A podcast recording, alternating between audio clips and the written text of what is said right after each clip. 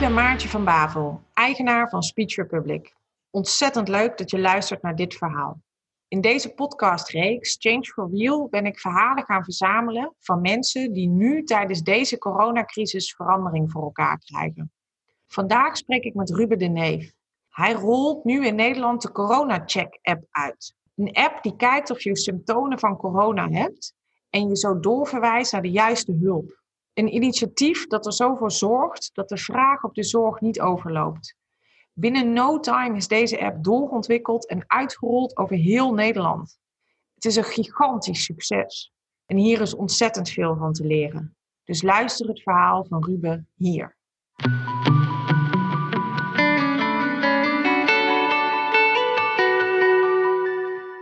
We zagen natuurlijk dat er ja, uh, wel wat gebeurde in de wereld wat betreft uh, corona. Maar we hadden op dat moment nog niet precies duidelijk van oké, op welke manier kunnen wij hier nu in helpen? Lucie begint eigenlijk vaak vanuit een behandelrelatie.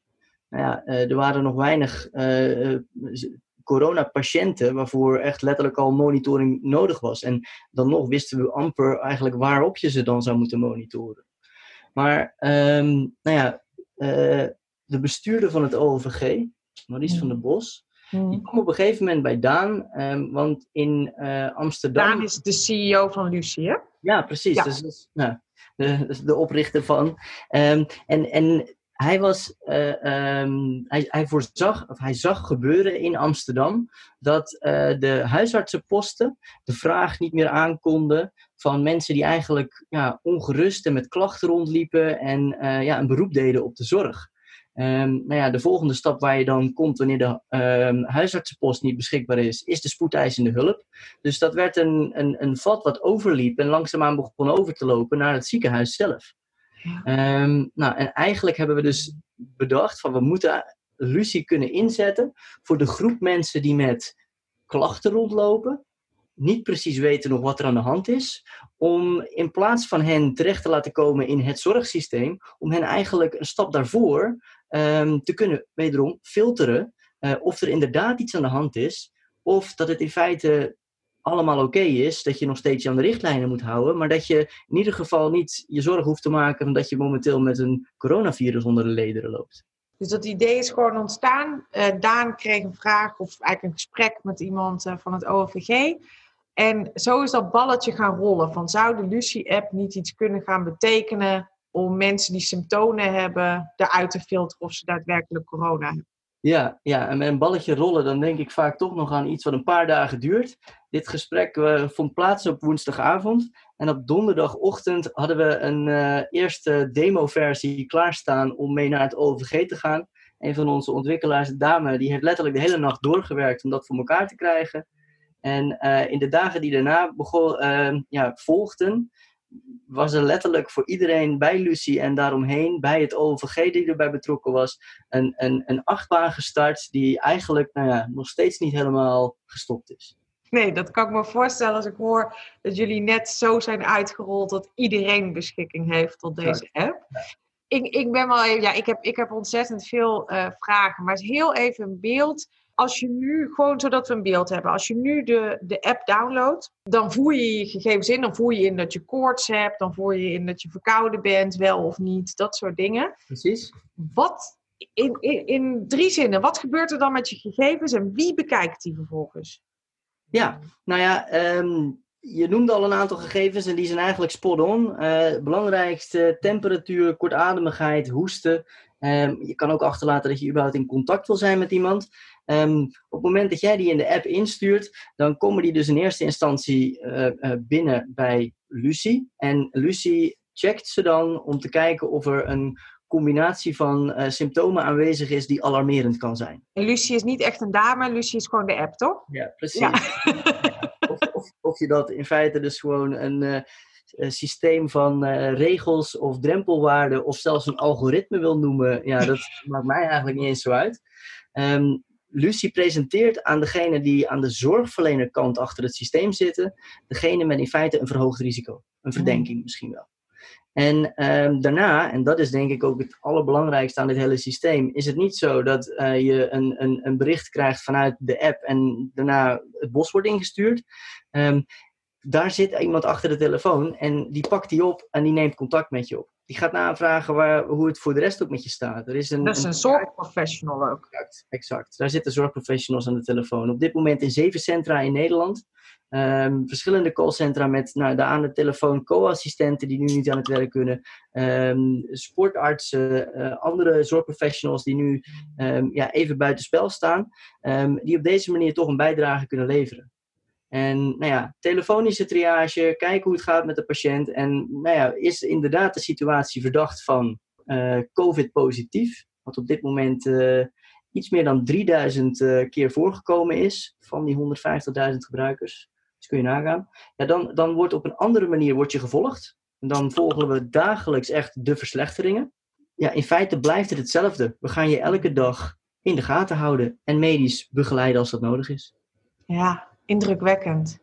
Ruben, je zei net, woensdag kwam het idee, donderdag de eerste demo. Wanneer was de app, de nieuwe COVID-app, live? Nou, we hebben dus het hele weekend met z'n allen doorgewerkt om uiteindelijk te zorgen dat maandagochtend um, in het OLVG um, we aan de slag konden, konden starten. En um, nou ja, dat betekent dus nog steeds, we hoefden geen app te bouwen, maar we moesten zorgen dat Lucie zeg maar, de symptomen kon gaan monitoren en achter de schermen op een veilige manier ook kon identificeren wie er dan uh, risico loopt. En um, ja, maandagochtend, uh, ik kon er helaas zelf op dat moment niet bij zijn.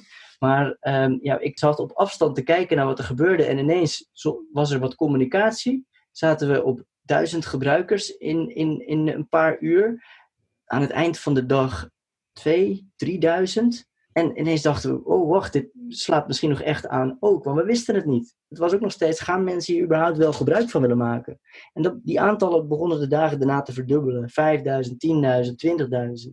En ineens is het van, wow, oké, we hebben hier niet alleen maar iets gemaakt wat we zelf denken dat het ontzettend gaaf is, maar het voldoet echt aan een vraag die er gewoon bestaat. En die mensen hadden anders gebruik gemaakt van een, een, een zorgverlener in het zorgsysteem. Ja, dat is ongelooflijk. Al die mensen konden dus eerst bij jullie terecht.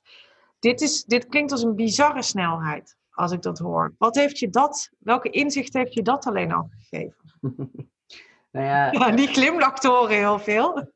Ja, ik, een, eentje die ik ook wel leuk vind om te benoemen. Want op een gegeven moment, je gaat echt aan met z'n allen. En nou ja, weet je, het is niet alleen dat je dan uh, uh, met het team ineens zo hard aan het werk bent. Maar het is ook dat op een of andere manier we allemaal iets geregeld hebben om te zorgen dat het ook thuis kon. Um, ik was daar ook super dankbaar voor dat mijn vriendin me daar de ruimte voor gaf om, om zoveel tijd hier even in te steken. Maar je bent ja, met z'n allen ontzettend hard aan het gaan. Dat geeft heel veel energie. En iedereen die daarbij betrokken is, daar merk je, die gaat op een adrenaline. En die, zit, die, die, die, die, die, ja, die vliegt bijna.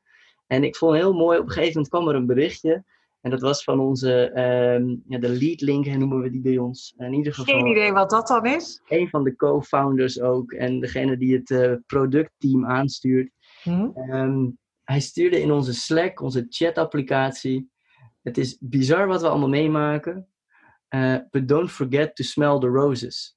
Oftewel, sta af en toe ook even stil bij wat je meemaakt. En um, ga er niet met te veel haast doorheen. Mm. En dat vond ik super mooi. En dat je dan een paar dagen later een bosje bloemen thuis krijgt van het bedrijf. Het is maar een kleinigheidje met een paar rozen erin. Vond ik gewoon geweldig gaaf.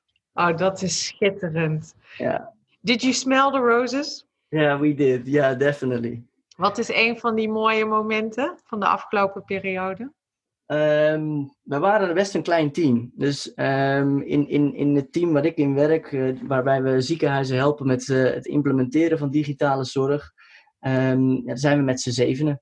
En nou ja, er zitten al verschillende rollen in, maar nou ja, dat ging zoals het gaat. Maar met deze aantallen, plus er kwam ook ineens aanvragen vanuit het buitenland binnen, ja, konden we het ineens ook niet meer bolwerken zelf. Dus um, ik was in contact met mijn oude traineeship en nog een ander bureau wat ons al wat had geholpen uh, in de maanden daarvoor. En er was op een gegeven moment een zondag, um, dat, ik was aan het bellen en ik denk op een gegeven moment, ja, we hebben gewoon meer mensen nodig. En nou ja, uh, het is nooit mijn behoefte geweest om manager te worden, maar ik heb ineens op één dag vier mensen aangenomen. En een dag later waren die er en die gingen ons helpen. En, en die werden bij ziekenhuizen neergezet en daar geïntroduceerd met, met, met het verhaal, nou, dit is uh, Roxanne van uh, Lucie en zij kent alles hiervan. Dus ze weet precies waar je, wat je allemaal moet... En, en zij was hier net één dag bij betrokken. Ik vond van haar weer heel mooi. Ze zegt dan, ja weet je, het is gewoon dive in and do it. En we gaan gewoon met z'n allen hier dit, dit, dit, dit waarmaken, linksom of rechtsom. Um, maar ja, je, je moet ineens ook keihard gaan nadenken over hoe gaan we al deze groei aan kunnen. Ja, dit gaat ongelooflijk veel sneller, kan ik me voorstellen, dan, nou, ik durf te zeggen, bijna iedere opdracht die hiervoor ja. hebt gedaan. Nee, ja, ik, ik, ik ontwerp mede het proces waar, uh, waarmee we ziekenhuizen helpen met uh, implementeren. En normaal gesproken is dat ongeveer zes maanden, twee maanden waarin we bezig zijn met überhaupt live te komen. En dan nog een paar maanden, wat we dan noemen de experience fase, dat je het gaat uitproberen. En dan mag je daarna nog steeds bedenken van ja, wil ik er wel mee verder of niet? En nu staan ziekenhuizen bij ons uh, aan de deur en die willen heel graag heel snel van start. En ineens hebben we dat hele proces teruggebracht tot twee weekjes of minder, paar, tien dagen hebben we laatst gedaan. En dan staat het en dan zijn er patiënten live. Dat is, ja. gaaf als dat nu ineens blijkt te kunnen. Wat is het belangrijkste dat jij daar zelf van hebt geleerd, Ruben? Ik weet niet of ik dat per se hierin heb geleerd, maar uiteindelijk geldt natuurlijk ook gewoon hierbij: waar een wil is, is een weg. Hmm. En in eerste instantie um, uh, zijn ziekenhuizen, denk ik, om goede redenen ook altijd bezig met het ja, misschien wel proberen perfect te krijgen voor we gaan starten. Evidence-based is zo'n term. Alles wat we doen moet wel bewezen zijn door de stand van de wetenschap voordat we ermee starten. Ja, en, en, en dan richten we het vaak op een manier in die past bij alle hoepeltjes en gaatjes waar je nog doorheen moet voordat je überhaupt mag starten. En, en nu gaan we het gewoon doen en ervan leren terwijl we ermee bezig zijn. Dus uiteindelijk dat urgentie ja, een heleboel mogelijk maakt, is misschien geen nieuwe les, maar hij is wel weer aan de lijve ondervonden. Ja.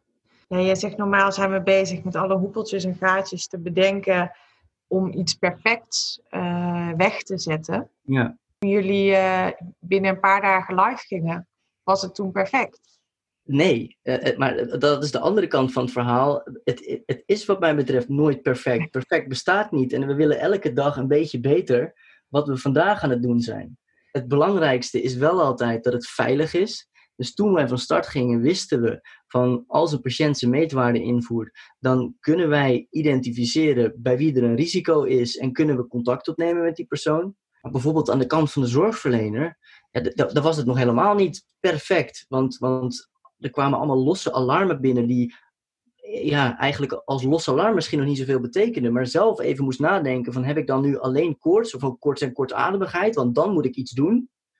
Ja, en ondertussen hebben we dat geautomatiseerd. En ja, merk je ook dat, dat de zorgverleners eigenlijk veel grotere aantallen met gemak aankunnen. Maar dat konden we niet op de eerste dag. Niet op ja, de start van, van de corona-check.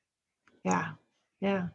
Die maat, hè, die snelheid waarmee jullie hier werken, die, de uren ook volgens mij die jullie maken. Mm. Is zoiets altijd maar kort vol te houden voor jouw gevoel? Of is dat lang vol te houden? Nou ja, dat is wat we in het begin meteen tegen elkaar zeggen, uh, zeiden. Uh, pak waar je kan ook echt je rust. Want dit is geen sprint, dit is een marathon. En nee, dit kun je niet volhouden, denk ik, als je dat maanden aan een stuk moet doen, zonder dat je goed ook op jezelf let. En de mensen om je heen. Niet alleen in het bedrijf, maar ook wederom thuis. Ja. En ja, dat, dat is denk ik waar je ook de balans in moet vinden um, als je tegelijkertijd aan zoiets gaafs bezig bent. Ik sprak op een gegeven moment iemand vanuit het UMCU, die zei dat, dat, dat nou, die, zijn natuurlijk ook heel erg op wetenschap gestoeld. En het is af en toe juist heel erg prettig als je iets uit de wetenschap kan leren. Um, maar die zeiden, ja, ook in crisissituaties, het is uh, tien uur rust op een dag om het überhaupt vol te houden. En dat betekent niet alleen maar tien uur slapen, dat betekent tien uur iets anders doen. Ja, in het begin van die dagen hadden we dat echt niet. Um, maar ja, je merkt wel van ja, dan, dan ben je dus uh, al een beetje te veel van jezelf aan het nemen. En als je die tien uur in ieder geval op een gegeven moment weer terugvindt en weet van nou, ik heb altijd genoeg rust op een dag, dan kun je dit volhouden. Dan kun je de marathon uitlopen. Mooi, mooi. Op dit moment zie jij zorginstellingen uh, razendsnel ook eigenlijk digitalisering omarmen.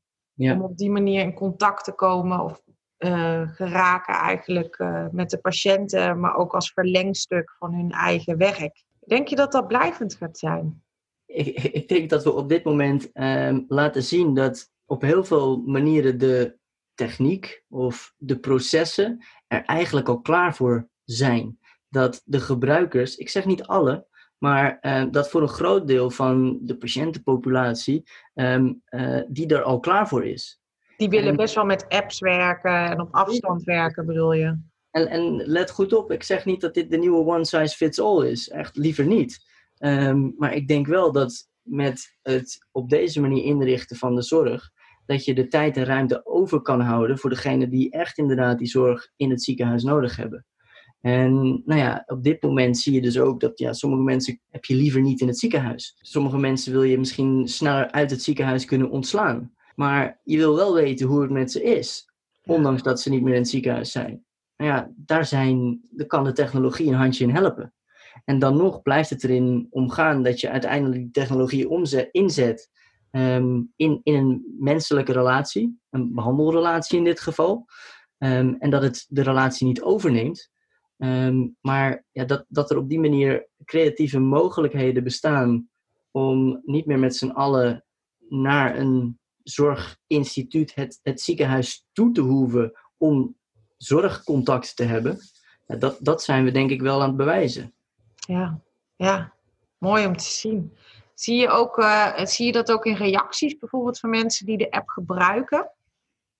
Ja, zeker. Dus, dus nou ja, ondertussen zitten we er iets minder bovenop. Maar zeker in die eerste dagen dat de corona-check live ging, dan zie je dat ook de social media natuurlijk heel veel langskomt. En ja, een van de berichten die uh, uh, wij natuurlijk ter harte nemen. Um, iemand noemde dit de meest menselijke inzet van technologie die hij ooit had meegemaakt. En ja, wij hebben altijd voor ons gevoel gezegd, ja, dit, gaat, dit gaat niet over de technologie. Het, het, het gaat over wat je met die technologie doet. Wauw, dat is een heel mooi compliment. Ja, dat vonden wij ook. Ruben, ik heb uh, nog één laatste vraag aan je. Mm -hmm. Voor iedereen, uh, jij zit nu volop in zo'n project, volop in die energie. Voor iedereen die nu uh, ook aan het werken is, thuis aan het werken is, noem maar op. Maar misschien nog niet in zo'n rigoureuze flow zit van iets. Of, of met een idee loopt, maar er nog niks mee heeft gedaan. Welk advies heb jij voor hen met alles wat jij hebt geleerd de afgelopen weken? Poeh, dat is een leuke vraag.